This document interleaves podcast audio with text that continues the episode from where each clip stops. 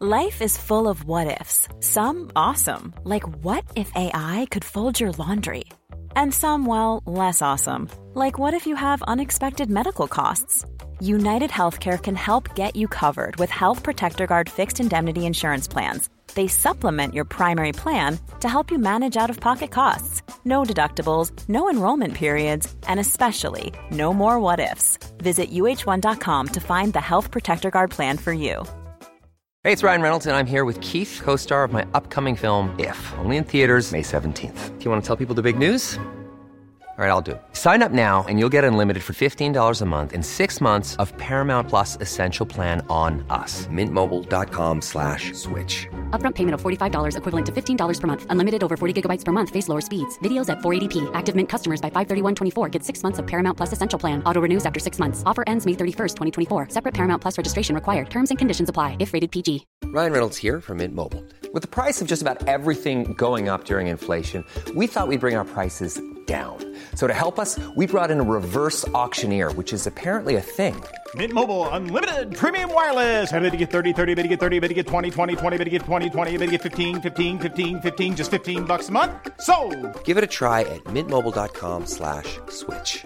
$45 upfront for three months plus taxes and fees. Promo for new customers for limited time. Unlimited more than 40 gigabytes per month. Slows. Full terms at mintmobile.com.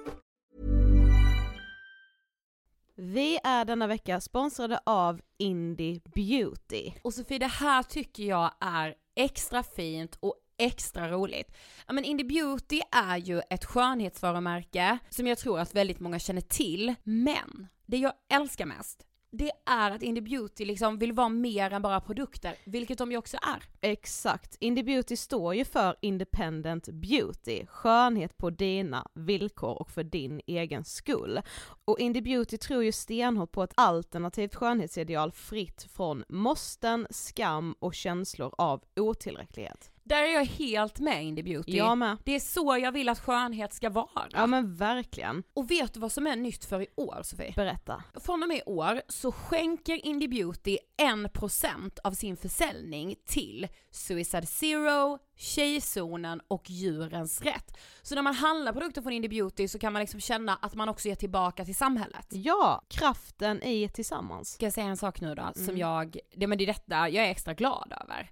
Nu har Indie Beauty tagit fram en keps och den tycker jag ändå så på sommaren, skyddar sig från solen. Jättebra, jag älskar kepsen. Men det bästa, de bidrar till Suicide Zeros viktiga arbete för att minska antalet självmord och självmordsförsök. Så för varje såld keps så går hela vinsten, 100 kronor, direkt till Suicide Zero. Då kan man liksom göra nytta både för samhället och sin hud på en och samma gång. Ja, och kepsen kostar 169 men alltså hela vinsten går då som sagt till Suicide Zero. Så om man vill göra skillnad när man är där ute i solen, nu när den börjar titta fram, då ska man välja den här kepsen. Den säljs exklusivt på indiebeauty.se och på Apotea. Tillsammans kan vi skapa en ljusare framtid. Vi ses med kepsarna på! Tack Indie Beauty. Vi är sponsrade av Mindler och som ni säkert vet sedan tidigare så är vi ju ute på psykologresan tillsammans. Men hur vet man egentligen när det är dags att söka hjälp? Ibland uppstår saker i livet som kommer utmana oss och kännas tufft. Det mesta självläker vi oss igenom, för vi är menade att ta oss igenom en viss mängd påfrestningar. Men ibland behöver man professionell hjälp för att ta sig ur jobbiga perioder i livet. Men vart går då gränsen? Vad är en del av livets skavighet och när är det läge att söka hjälp? Det sägs till exempel att stress är farligt, men att också kan vara bra. Alla sover dåligt ibland, så när har man egentligen sömnproblem? Ångesten kommer väl krypande för de flesta någon gång. Så när ska man se ångesten som outhärdlig? Hur vet jag? Med oss som psykolog har vi såklart min gamla psykolog Linnea Seidbrant. Men Linnea, vad är egentligen utmattningssyndrom? Utmattningssyndrom är en konsekvens av svår och långvarig stress utan möjlighet till återhämtning. Vi är ju då skapta för att klara av stress, men vi behöver också återhämtning. Om du utsätts för för mycket stress under en lång period utan att du får till den nödvändiga återhämtningen så kommer kroppen till slut att säga ifrån. Och det är faktiskt så att alla har en gräns. Du kan drabbas av en rad fysiska eller psykiska besvär som trötthet, sömnproblem, hjärtklappning, besvär från magen och tarmarna och mycket annat. Och det här är ju då varningssignaler och tecken på att du kan behöva göra någonting åt din situation. Annars så kan besvären utvecklas till att du mår så dåligt på sikt att du blir psykiskt och fysiskt utmattad. Ladda ner Mindler till din telefon och läs mer på mindler.se.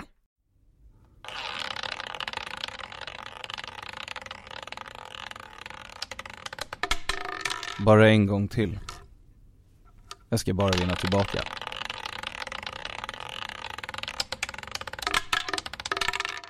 Fan! Filip är 18 år när han för första gången hittar gemenskapen han saknat. Anki är 47 år när hon hittar en värld som hon kan fly in i. Anki och Filip känner inte varandra, men de har en stor sak gemensamt.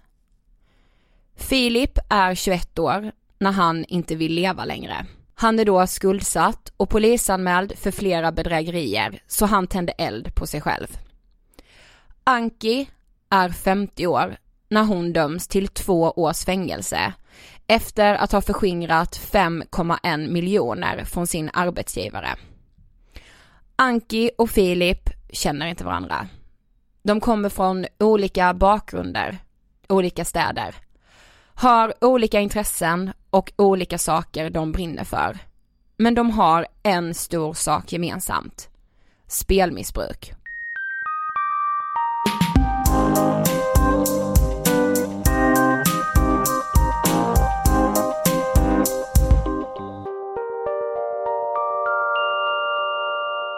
Hej allihopa och hjärtligt välkomna till avsnitt 156 av Ångestpodden! Hej på er! Och eh, välkomna tillbaka till vår serie om spelmissbruk som vi ju har valt att kalla Game Over. Som vi gör i samarbete med Svenska Spel.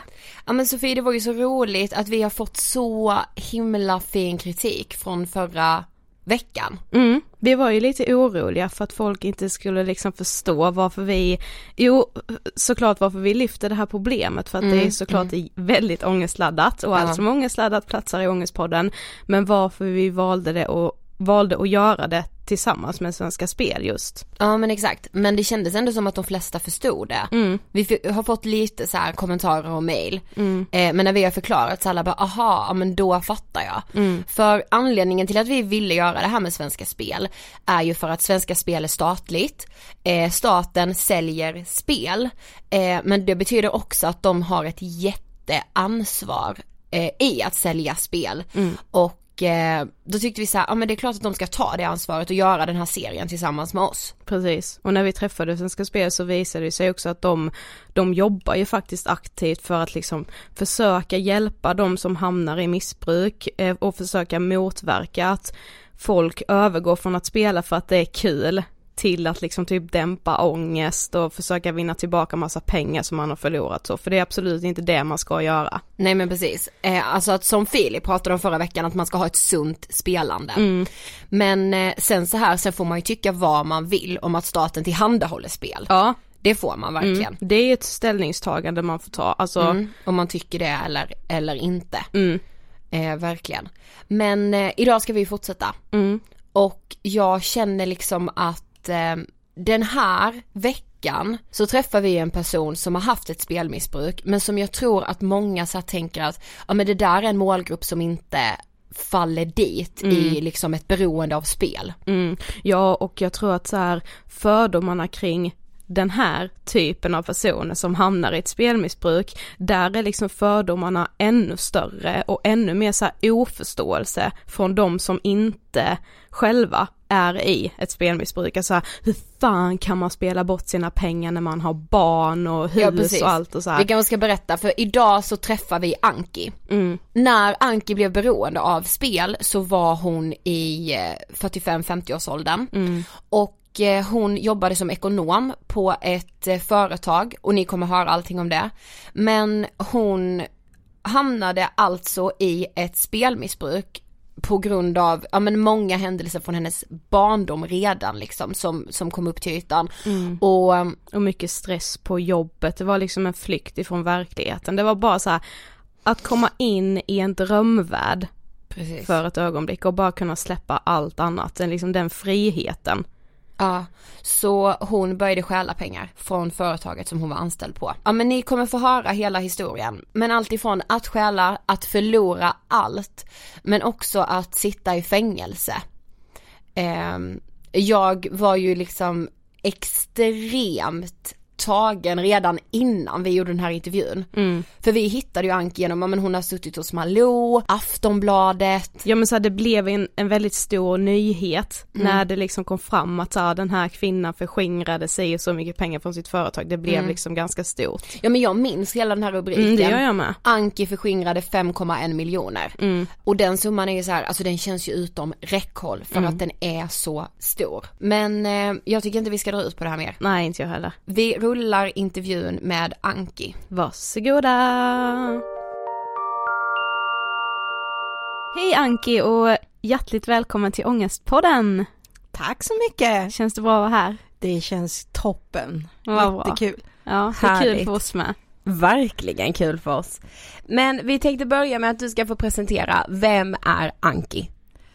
Ja, jag är idag 55 år. Kvinna förstås. Eh, Jag har fyra barn. Jag är uppvuxen i Stockholm men flyttade härifrån vi är ju i Stockholm nu, Ja. Mm. Eh, flyttade ifrån Stockholm när jag var 14 ut till landet i Julita. Eh, och där träffade jag min exman, vi gifte oss och fick de här fyra underbara pojkarna. Eh, jag utbildade mig sent som vuxen till ekonom. Eh, och idag så försöker jag få livet att gå ihop. Mm. Eh, vad tänker du på när du hör ordet ångest? Hua. Eh, hela mitt liv faktiskt, tänker jag på när Mm. jag hör ordet ångest. Eh, det är en kvävande känsla, eh, men den kan också vara befriande. Jo men idag så har vi ju då andra delen i vår serie om spelberoende och du är ju såklart här för att du har erfarenheter av just det. Eh, och förra veckan när Filip gästade oss så pratade vi lite grann, lite grann kring så här begreppen spelberoende och spelmissbruk och sådär. Vad, vad innebär de orden för dig?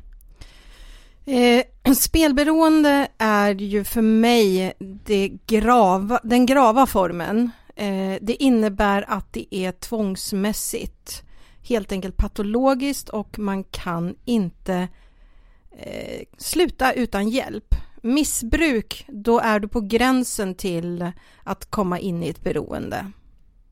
Och då utnyttjar du någonting på ett väldigt negativt sätt. Men hur eh, började du spela? Eh, ja, det är ju, min historia är lite annorlunda än många andras för jag började ju spela väldigt sent. Mm. Eh, jag var 47 när jag trillade in på eh, nätspel. Eh, jag ska vara ärlig och säga att jag hade väl provat lite sådär för jag har ju alltid gillat att spela tv-spel och dataspel. Så den världen var ju rätt normal för mig då. Men sen så kommer jag i en livskris. Eh, jag har ju då incest i bakgrunden och på mitt jobb så blev det så stressigt så att eh, min posttraumatiska stress blev ännu värre. Mm. Eh, Jag letade olika sätt att skingra tankar och känslor. Och då ramlade jag in på spel, så det var inget medvetet val att nu ska jag välja spel, utan det var bara ett av mycket, eller många andra sätt som jag försökte mig på då. Och eh, min hjärna, den gillade det omedelbart. Så det sa bara klick i huvudet. Mm. Men visste du att du hade PTSD?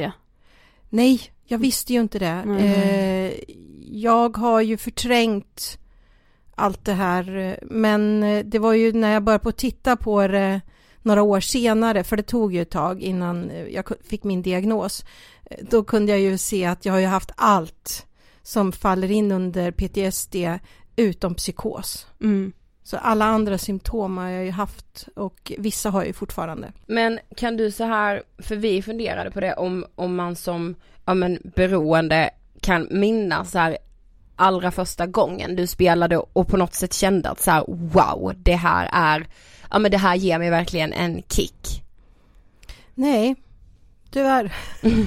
Utan det som jag har försökt att förklara för andra att på något konstigt vis så gick jag in i en bubbla. Mm. Eh, jag har jättestora minnesluckor.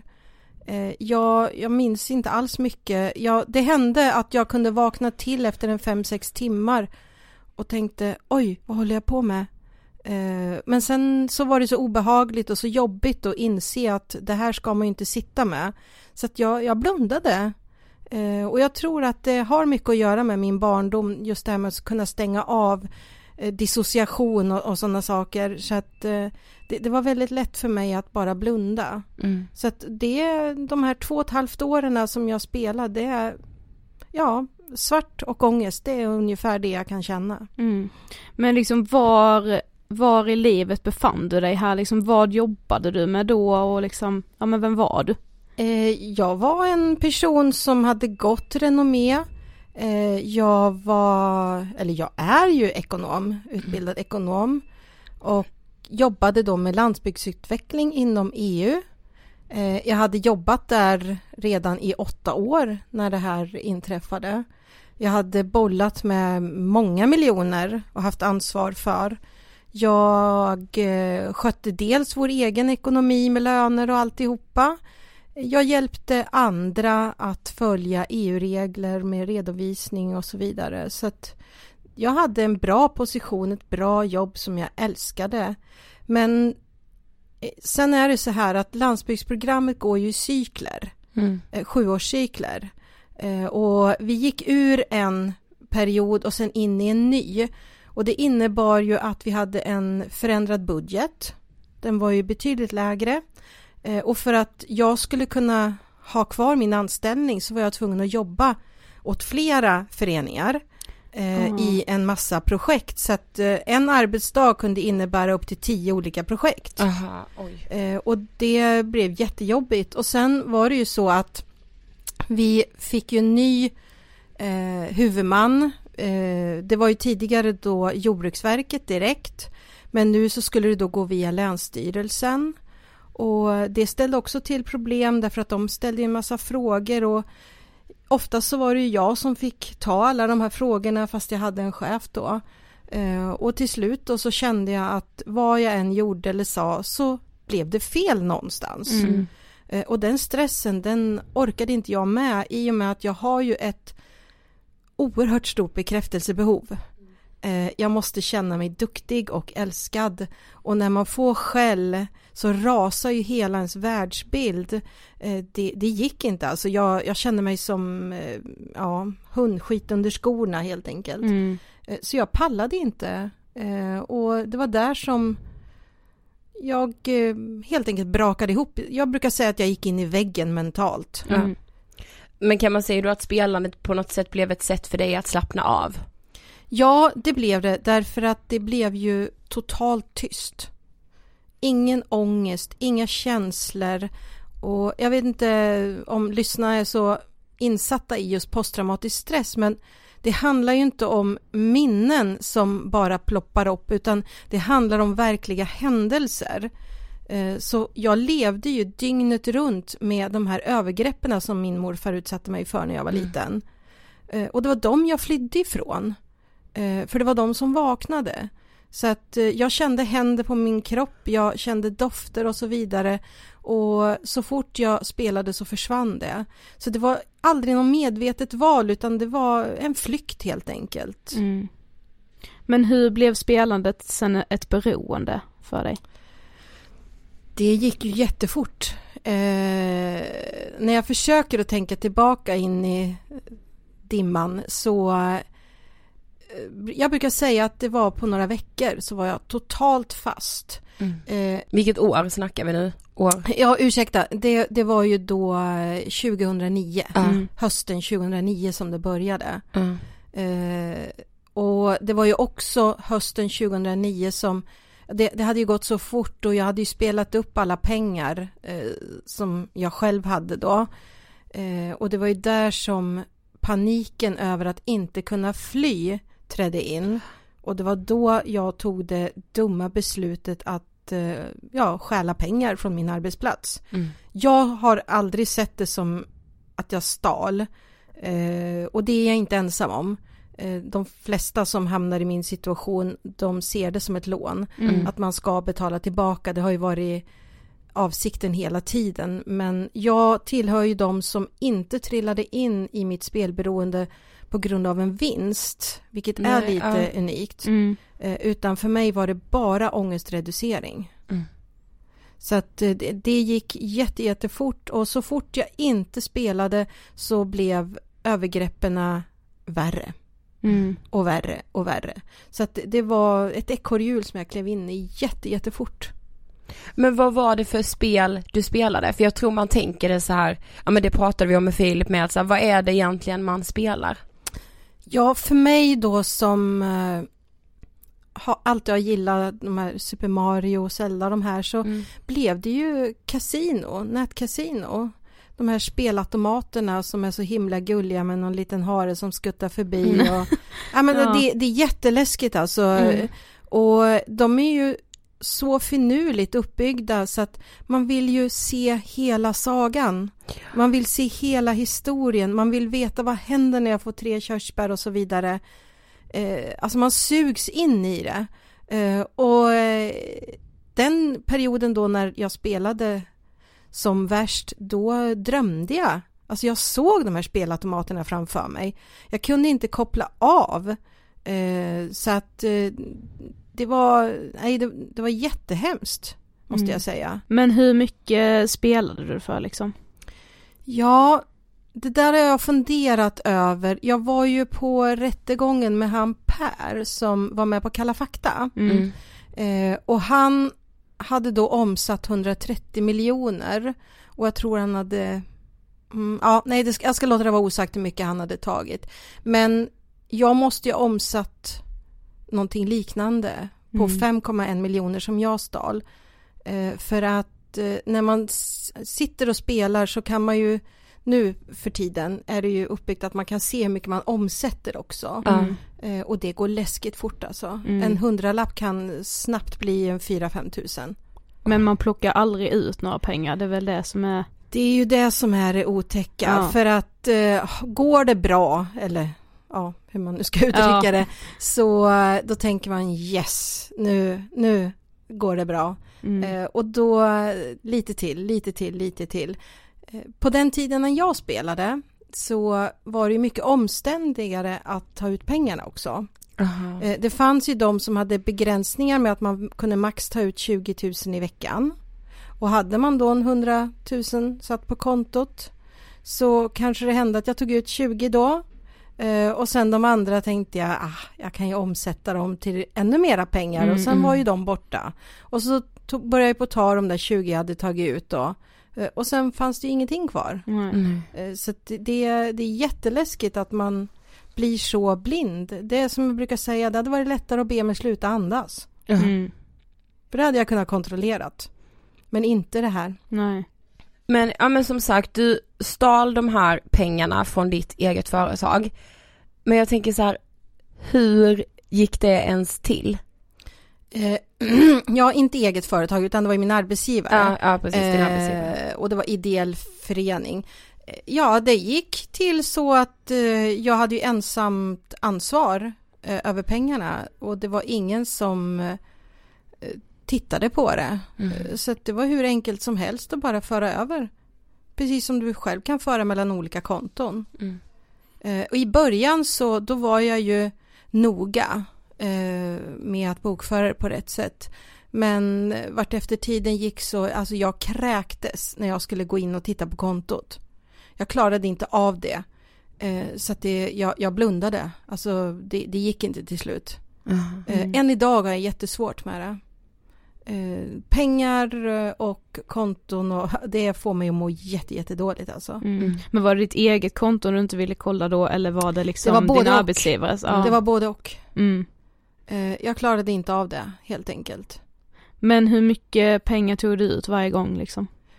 Alltså det var ju små summor. Det kunde ju röra sig om en par tre tusen.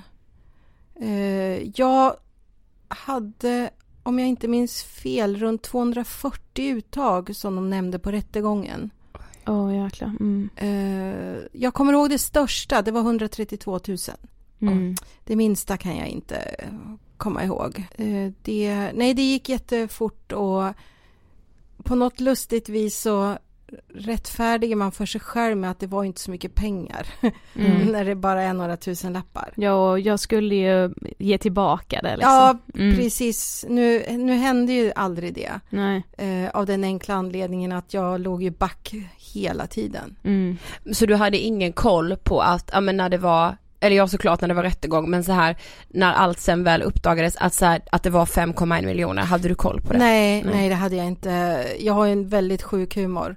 Mm. Eh, tack och lov kanske man ska säga också ibland. Så jag brukade ju säga det att ja, ja, ska man göra något ska man göra det ordentligt. Mm. Så jag i det läget. Ja. Nej, jag hade ingen koll alls Nej. för jag, jag klarade inte mentalt av det. Alltså det, det gjorde för ont. Mm. Men alltså hur mådde du under den här perioden? För det var flera år, det började 2009. Ja, jag tror oktober 2009 Ja, och sen uppdagades det 21 maj 2012. ja. Men var det så här att du hela tiden gick med någon slags stress att någon skulle komma ja, på ja. dig? Eh, jag kräktes ju varje dag. Eh, jag hade jätteont i magen, jag hade svår ångest. Eh, bara ett ord kunde få mig att flippa. Eh, jag sov inte. Jag, jag kunde somna och sen efter en, två timmar så vaknade jag. Mm. Och så gick jag upp. Eh, nej, det, det var... Jag fattar inte att jag klarade det.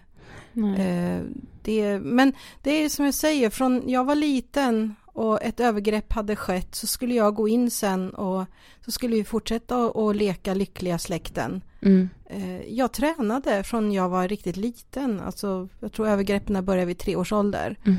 Eh, hur man får tillbaka alla ansiktsdrag och jag lärde mig också att om man ler och är glad, då frågar ingen. Nej. Så att det, det var ju mitt sätt att hantera det. Jag var alltid glad.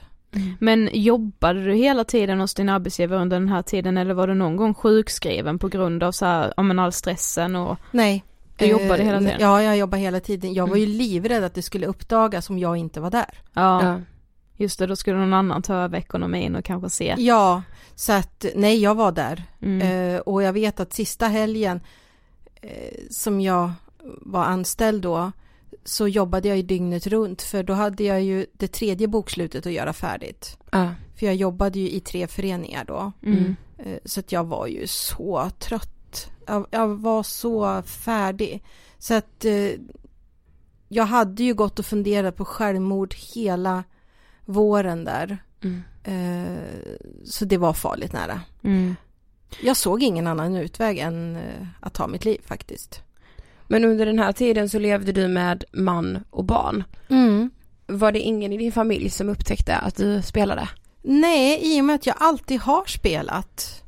Eh, nu är ni inte så gamla men eh, det fanns ju någonting som hette Nintendo 8-bitars till exempel. När det Mm. kom ut så Mm. skaffade vi det och då var ju barnen väldigt små. Så att eh, vi har ju alltid haft spel eh, hemma. Mm. Eh, så att eh, nej, och i och med att exmaken inte var intresserad så tittade han aldrig närmare heller. Mm. Och han frågade väl någon gång om jag spelar för pengar och jag sa nej, nej, nej, nej, gud nej. Så ja, det gjorde jag inte. Nej. Eh, och det där är ju lite småjobbigt därför att om du ber någon att beskriva en missbrukare så säger de att eh, den personen bara ljuger och har valt det här själv och har sig själv att skylla. Det är bara att ta sig i kragen. Mm. Men sanningen är ju att man ljuger ju för att man inte står ut med sig själv. Mm. Man ljuger inte för andra, man ljuger för sig själv först och Mm. främst. Eh, och det där har de ju jättesvårt att förstå. Eh, när jag sa så så ljög jag ju för mig själv för att lätta på mitt eget, eh, min egen ångest. Mm. Men hur gick det till sen då när allt liksom uppdagades? Eh, ja, det tokiga var ju att det här var ju Kristi himmelfärdshelgen så att eh, vad blir det, torsdagen var ju ledig då. Mm. Eh, och fredagen så sägs det att revisorn tog kontakt med mig, men det gjorde han ju aldrig. Hade han gjort det så hade jag garanterat inte levt idag. Mm. För hade han hört av sig till mig på fredagen och så skulle jag vänta till måndagen, då hade det blivit samma som hon Tola i Gävle. Mm. Eh, för hon fick samma, eh, de hade upptäckt det och så skulle hon gå och vänta på helgen då.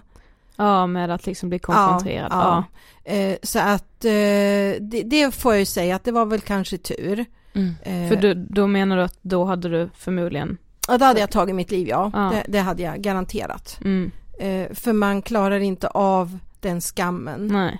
Nu så kom ju revisorn till kontoret och så sa han att du Anki, eh, jag har sett att du har fört över pengar till dina egna konton. Då hade jag ett företagskonto för jag hade eget företag också. Mm. Eh, och sen mitt privata.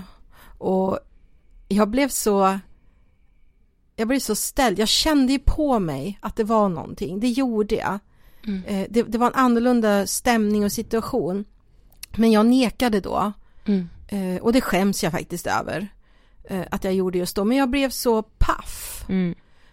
Sen så gick han efter en stund och då frågade min chef igen. Anke, vet du ingenting om det här? Och då sa jag, jo det vet jag. Jag har tagit pengarna. Varför då? frågade hon. Ja, jag har spelat och nu vill jag gå till polisen. Det var den enda utvägen för mig. Eh, och det är jag så himla glad över att jag faktiskt gjorde också. Jag har fått mycket kritik för att ja, men du hade ju inget annat val och så vidare. Jo, det hade jag. det hade många val jag hade kunnat gjort, men jag ville stå för vad jag hade gjort just då. Så det var, men det var bisarrt att gå till polisstationen, chefen följde med, sen ta en nummerlapp och sen vänta på min tur. Och så fick jag gå fram till disken då och säga, ja hej, jag ska anmäla mig för ett brott. Jag har förskingrat pengar, sa jag. Mm. Eh, och då fick vi ju komma in då i ett litet rum vid sidan om. Och då var jag så, jag var så väck alltså. Jag hade inga känslor alls, jag var totalt tom. Jag till och med satt och pratade om att vi har i alla fall tur med vädret idag, säger jag då när vi sitter där och väntar. Ja. Eh, för solen sken. Så att, eh, nej det, det, var mycket märkligt och de tittade på mig och sa, men du ska väl inte göra något dumt? Nej, nej, nej, nej, sa jag. Eh, och sen så när vi var klara så frågade min chef om jag ville följa med upp på kontoret. Men då hade jag redan rafsat ihop mina saker. Eh, de mesta sakerna då. Så att jag sa nej, jag ska åka hem. Och då uppmanade hon mig att ringa till min eh, exman. Och det var ju inget samtal som jag ville eh, ta. Eh, så att jag började faktiskt med att ringa till min pappa. Och fråga om jag fick komma dit. Och det fick jag ju självklart han blev lite chockad men eh, ja, han tog det med fattning. Sen så ringde jag till Sluta spela-linjen och då sitter det en, uh, inget illa om ungdomar nu, ta inte illa upp men här, nej men åh vad tråkigt, säger hon då när jag berättar min historia. Och jag, jag kände bara, nej, det här, det här tar inte jag, det här står inte jag ut med. Uh, och sen så frågade hon mig vilken kommun jag tillhörde. Och då sög Katrineholm och då tittade hon i sina papper och sen så sa hon nej tyvärr, de har ingenting för spelberoende eller spelmissbrukare då som eh, vi sa. Och eh, då fick jag telefonnumret till psyk i Katrineholm, öppenvården då, så jag ringer dit och de säger varför ringer du hit? Ja men jag mår inte bra, säger jag. Ja men du är ju spelberoende. Eh, du hör ju inte hemma här, säger de då.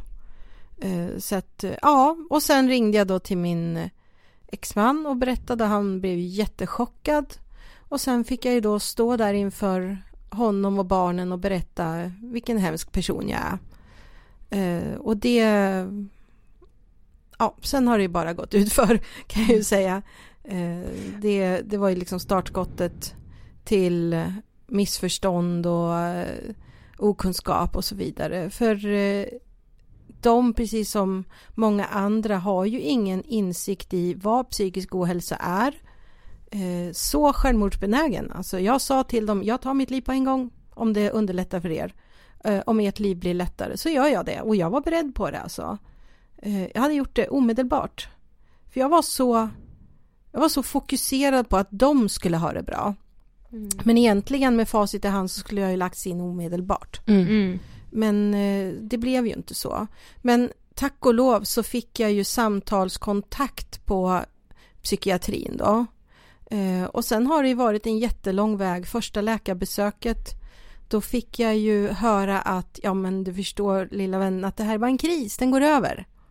Eh, det hade väl varit värre om dina barn hade fått cancer. Varför vill du bli sjukskriven? Ja, mitt liv har rasat. Ja. Tyckte jag där och började på gråta. Så då blev jag sjukskriven en månad. Men sen har jag också, jag vet inte om det har med ålder att göra, men jag har fått, lärt mig att ha mål i mun. Så jag sa till de här sjuksköterskorna, de här manliga då, att eh, jag vill inte träffa den där läkaren mer. Jag kände mig så kränkt. Mm. Eh, Så att de har ju hela tiden sett till att jag får träffat rätt personer. Eh, Så jag måste ge en eloge till psykiatrin i Katrineholm. Mm. För de har varit toppen. De har inte förstått alltid. Eh, Men idag så ser de att eh, missbruk och psykisk ohälsa är mm, ett par. Mm. De- De hänger ihop. Precis. Men sen fick du ett fängelsestraff på två år. Berätta om det. Jo, eh, det tog ju i och med att det fanns en risk för att jag hade stulit EU-medel eh, Eh, så, ja och sen var det rätt komplicerat. Så gick det ju till Ekobrottsmyndigheten och det tog ju då ett och ett halvt år innan det blev rättegång. Eh, så att det var ju ett och ett halvt år med ångest på soffan och tårar. Men sen så blev det då rättegång och två veckor innan där så upptäckte min exman att jag hade börjat spela igen. Eh, och dessutom så hade jag ju spelat bort pengarna han hade gett mig när han köpte ut mig ur huset. Eh, Och då eh, fick jag panik. För de skulle ha gått till mina skulder. Mm. Eh, och då tog jag lån i hans namn.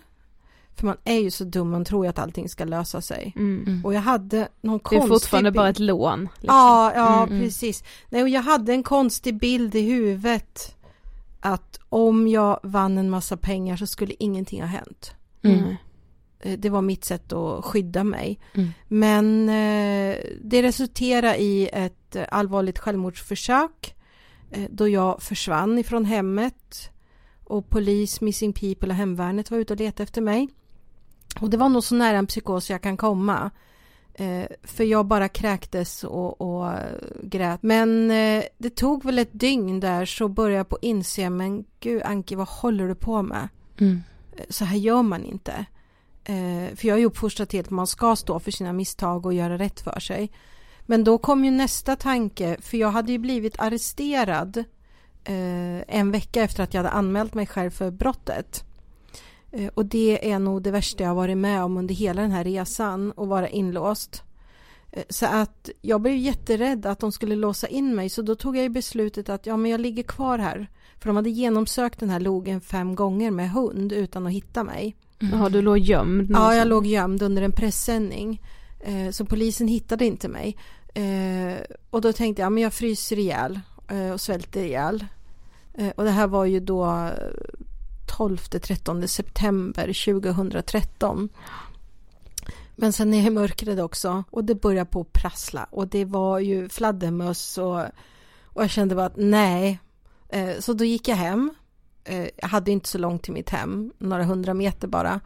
Eh, och stod framför ytterdörren i en timme och vågade inte knacka på. För det var låst. Men så du bodde fortfarande i ert hus men din man hade köpt ut dig? Ja, precis. Ja. Och det var ju för att skydda eh, så att han inte skulle behöva gå ifrån hemmet. Ja. Mm. Eh, så han köpte ut mig ur Mm. huset då. Mm. Eh, så att, eh, och vi levde ju fortfarande som man och hustru Ja. då. Mm. Eh, men eh, jag blev körd. Eh, Polisen kom ju då när jag kom hem. Och så blev jag körd till psyk i, i, i Nyköping. Och så fick jag ju vara där i 14 dagar. Över rättegången. Och sen kom jag hem och sen fick jag ju vänta på domen i 14 dagar. Och min exman han ringde hem och frågade om jag hade hört någonting för den skulle komma klockan 14 då. Nej, sa jag, det har jag inte. Nej, det står på nätet, sa han. Ja, blev det fängelse, sa jag. Ja, hur mycket? Ja, två år. Och då, då bara satt jag och grät. Så jag Mm. grät i flera timmar. Jag grät fortfarande när han kom hem. Men eh, det, det var ju bara att acceptera. Mm. Eh, Har man begått ett brott och gjort fel så ska man ju faktiskt eh, straffas för det. Mm. Eh, Så det har känts okej. Mm.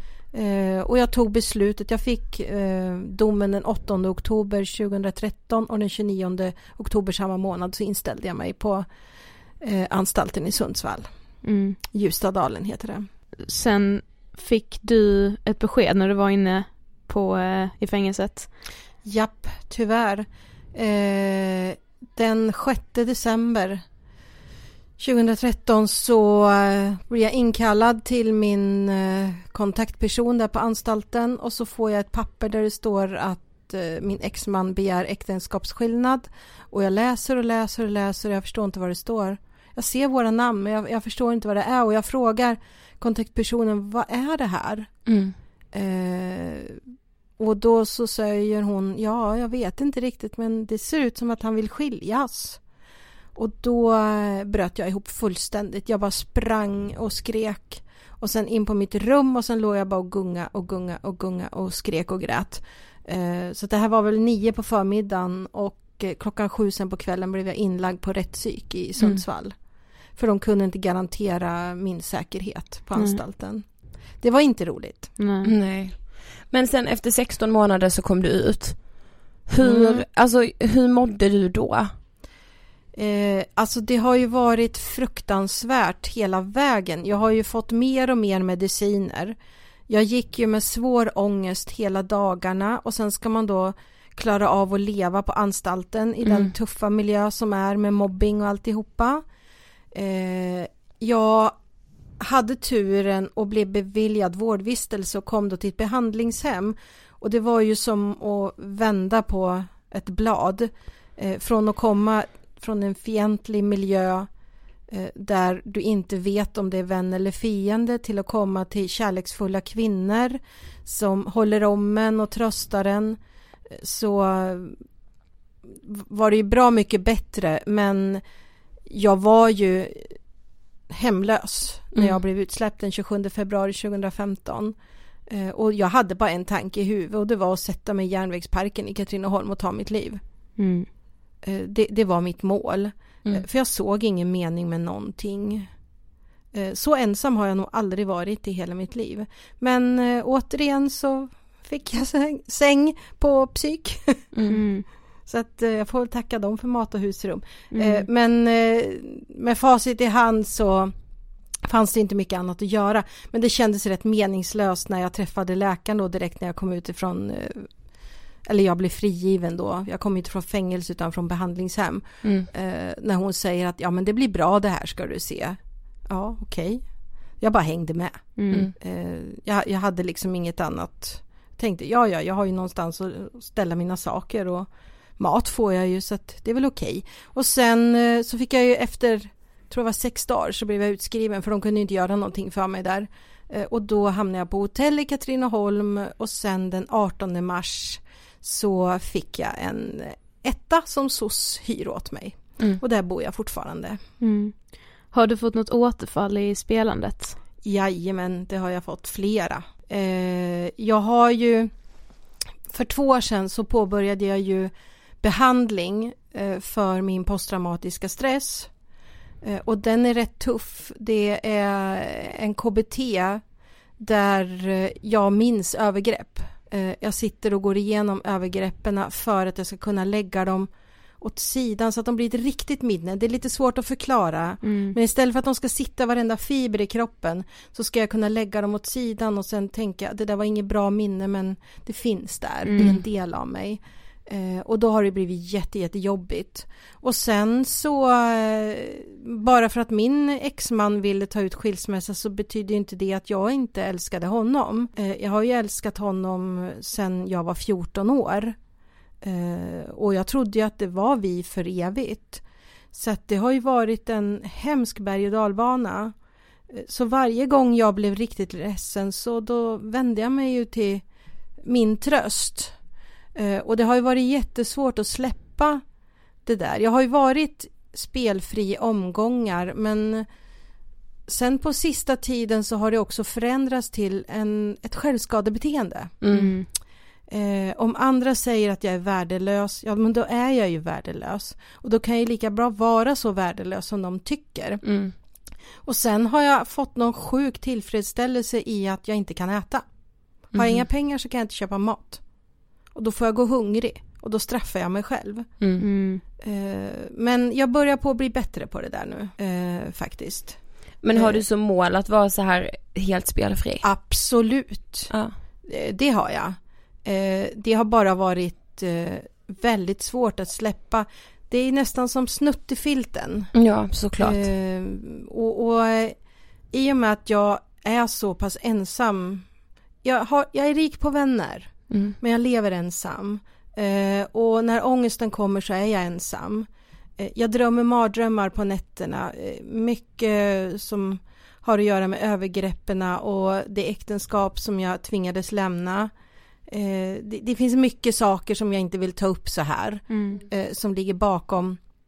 Och det, det har ju gjort att eh, det, det har varit svårt att känna en mening med livet. Men eh, jag har eh, fått börja arbetsträna och jag är så himla lycklig över det. Mm. Eh, På en second hand och då har jag kommit i kontakt med en underbar präst som är samtalsterapeut.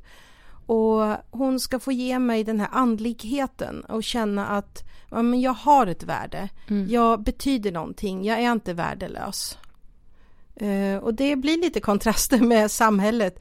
Va, har du suttit i fängelse? Ja, ja, du är en sån här kriminell, säger hon. Mm. Eh, är jag, säger jag. Eh, Men eh, att eh, man har begått en kriminell handling innebär inte att man är kriminell. Nej. För är man kriminell så har man det som levnadssätt. Mm. Och det har jag inte, jag går inte ens mot röd gubbe. Vi har kommit till sista frågan. Mm. Vad inspirerar dig? Människor eh, inspirerar mig. Jag har lärt mig så himla mycket på den här vägen.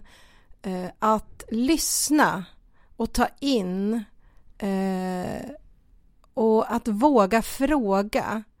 Ärlighet. Eh, jag säger det, mina vänner som jag har idag, de får säga precis vad de vill till mig. De kan inte såra mig, de kan bara få mig att växa.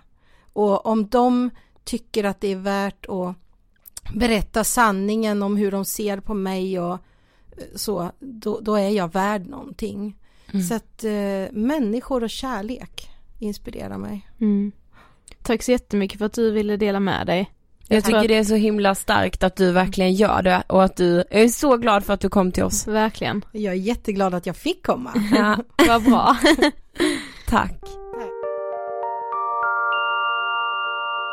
Alltså jag är så tagen av båda de här avsnitten och även ifall liksom Ankis och Philips historier är så olika Ja. så är det liksom så här, jag vet, det är någonting med så här ämnet spelmissbruk som liksom har tagit mig, känner jag. Ja. För att så här, inte det att andra saker vi har tagit upp inte känns så här mänskliga, men alltså man har ju så många i sin närhet som spelar på olika Mm, typer mm. av spel. Alltså så här, jag är uppväxt med att min pappa tippar på travet varenda helg. Alltså, ja, men det var det vi sa förra veckan. Ja, det finns där hela tiden. Men jag tror att det handlar om att jag inte hade en aning om, alltså vad det här problemet kan innebära. Nej. Att vara så allt annat som vi har tagit upp, förutom när vi gjorde prostitutionsserien, Mm. men då har jag ändå haft ett hum.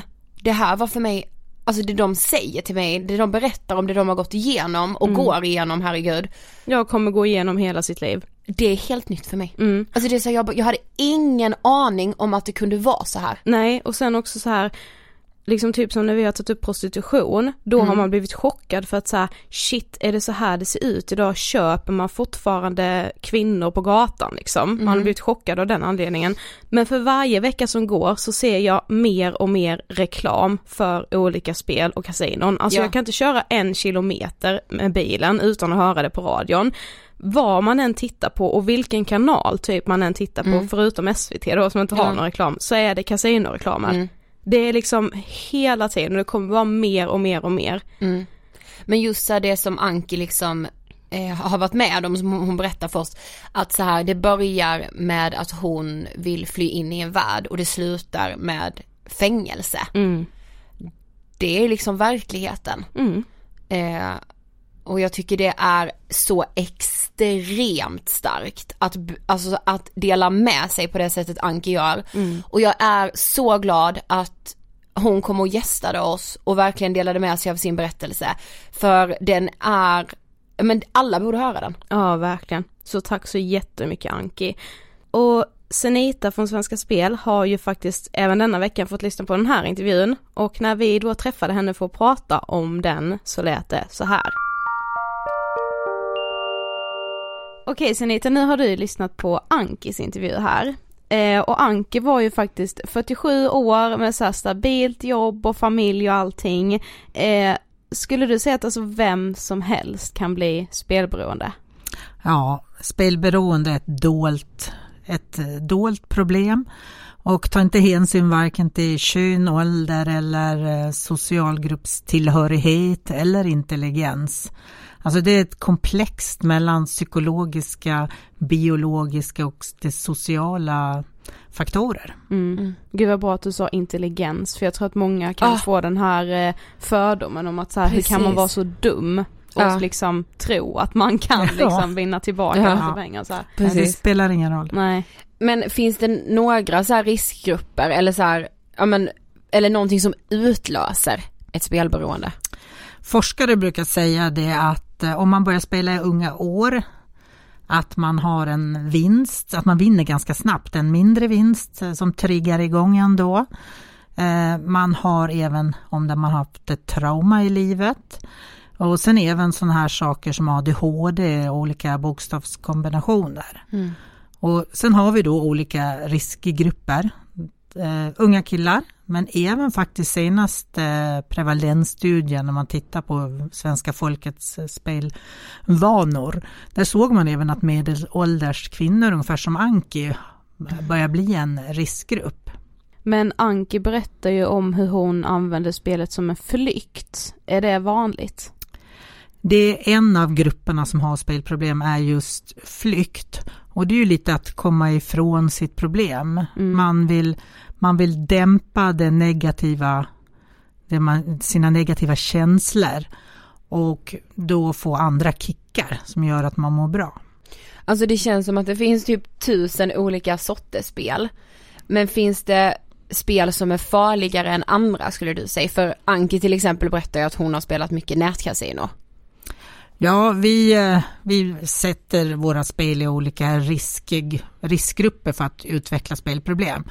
Och egentligen är det väl ganska självklart om du tittar på en trisslott, en vanlig papperslott du kan köpa i en butik. Det är låg risk att utveckla spelproblem. Medan att, att spela nätkasino till exempel, det är ju otroligt tillgängligt både i din mobil, padda, dator och spelet går oerhört snabbt och då blir det ju en högre risk. Men vad gör ni på Svenska Spel för att faktiskt hjälpa de här eh, olika riskgrupperna? Mm. Första tänkte jag ska säga just när vi pratar om det här med risk på olika spel. Det är viktigt tycker vi att man har, att man har eh, spelansvar utifrån risk på produkten. För om du tittar på som jag sa en trisslott behöver kanske inte vara så mycket spelansvar för den medan att det är 18 år på själva lotten. Medan de spel som är hög risk där har ju vi till exempel inga bonusar. Vi marknadsför produkten mycket restriktivt och se till att de måste sätta en budget innan de börjar spela. Mm. Tack så jättemycket för att du ville gästa Ångestpodden. Tack så jättemycket för att jag fick komma. Eh, innan vi avslutar det här avsnittet så vill vi såklart eh, tipsa er om spelalagom.se där ni kan läsa mer om liksom hur man spelar lagom och vad lagom innebär. Och eh, känner ni att ni liksom ja men ni kanske har känt lite varningssignaler när ni har lyssnat på de här avsnitten eller av andra anledningar så vill vi även tipsa er om stödlinjen dit ni kan ringa på 020 81 91 00 eller så kan ni gå in på storlinjen.se och läsa mer. Yes. Eh, det har varit så fantastiskt att göra de här två avsnitten i samarbete med Svenska Spel. Mm. Ja, men jag är så glad att jag vet det här nu och att alla våra lyssnare vet. Ja, och jag känner typ såhär, du vet om, om jag själv skulle det känns ju som att jag kommer lägga märke till ifall jag har folk i min omgivning Ja. som börjar spela för mycket och att jag kan hjälpa dem då. Jag känner mig liksom inte lika hjälplös i, i det här Precis. längre. Nej men jag hoppas verkligen, alltså hjälp oss sprida de här avsnitten, då blir vi jätteglada. Ja, för de är så viktiga. Alla behöver lyssna på dem. Mm. Ja, det var allt vi hade den här veckan och nästa vecka firar vi fasen tre år med Ångestpodden. Det är fan helt sjukt. Det börjar växa upp nu. Ja. Ja men jag tror att eh, det kommer bli ett fint avsnitt för vi behöver er hjälp. Ja, vi känner liksom att vi vill att ni ska vara delaktiga i nästa veckas avsnitt. Mm. Liksom vi, som vi har sagt tusen gånger, Ångestpodden är ju ingenting utan er. Eh, så vi tänkte köra en frågepodd, men att frågorna blir ställda ifrån er. Och inte då som är att ni skickar in frågor som vi läser upp, utan vi vill att ni ska läsa in era frågor, skicka ljudfiler till oss så får ni vara med i nästa veckas avsnitt. Ni är såklart anonyma om ni vill, det väljer ni liksom helt själva. Så spela in med röstmemo på mobilen. Eh, alltså en vanlig ljudfil och Mm. sen så mailar ni den till angestpodden at ingetfilter.se Jag ser liksom redan fram emot detta. Jag också. Så ni liksom kan vara med och så här, säg något mer om ni vill, ni behöver inte bara ställa en fråga, säg vad ni vill. Mm. Och Eh. inga frågor är dumma. Nej gud nej. Men det var allt för den här veckan. Hej då och Hej tack för att ni har lyssnat.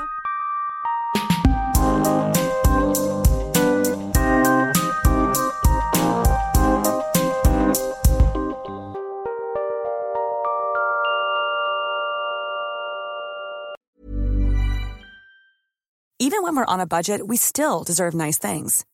Quince is a place to scoop up stunning high-end goods for 50 to 80% less than similar brands. They have buttery soft cashmere sweaters starting at $50, luxurious Italian leather bags, and so much more. Plus, Quince only works with factories that use safe, ethical, and responsible manufacturing. Get the high-end goods you'll love without the high price tag with Quince. Go to quince.com slash style for free shipping and 365-day returns. Hey, it's Paige DeSorbo from Giggly Squad. High quality fashion without the price tag. Say hello to Quince. I'm snagging high-end essentials like cozy cashmere sweaters, sleek leather jackets, fine jewelry, and so much more. With Quince being 50 to 80% less than similar brands. And they partner with factories that prioritize safe, ethical, and responsible manufacturing. I love that. Luxury quality within reach. Go to quince.com slash style to get free shipping and 365 day returns on your next order. Quince.com slash style. Mom deserves the best, and there's no better place to shop for Mother's Day than Whole Foods Market. They're your destination for unbeatable savings, from premium gifts to show-stopping flowers and irresistible desserts. Start by saving 33% with Prime on all body care and candles. Then get a 15-stem bunch of tulips for just $9.99 each with Prime. Round out Mom's menu with festive rosé, irresistible berry chantilly cake, and more special treats. Come celebrate Mother's Day at Whole Foods Market.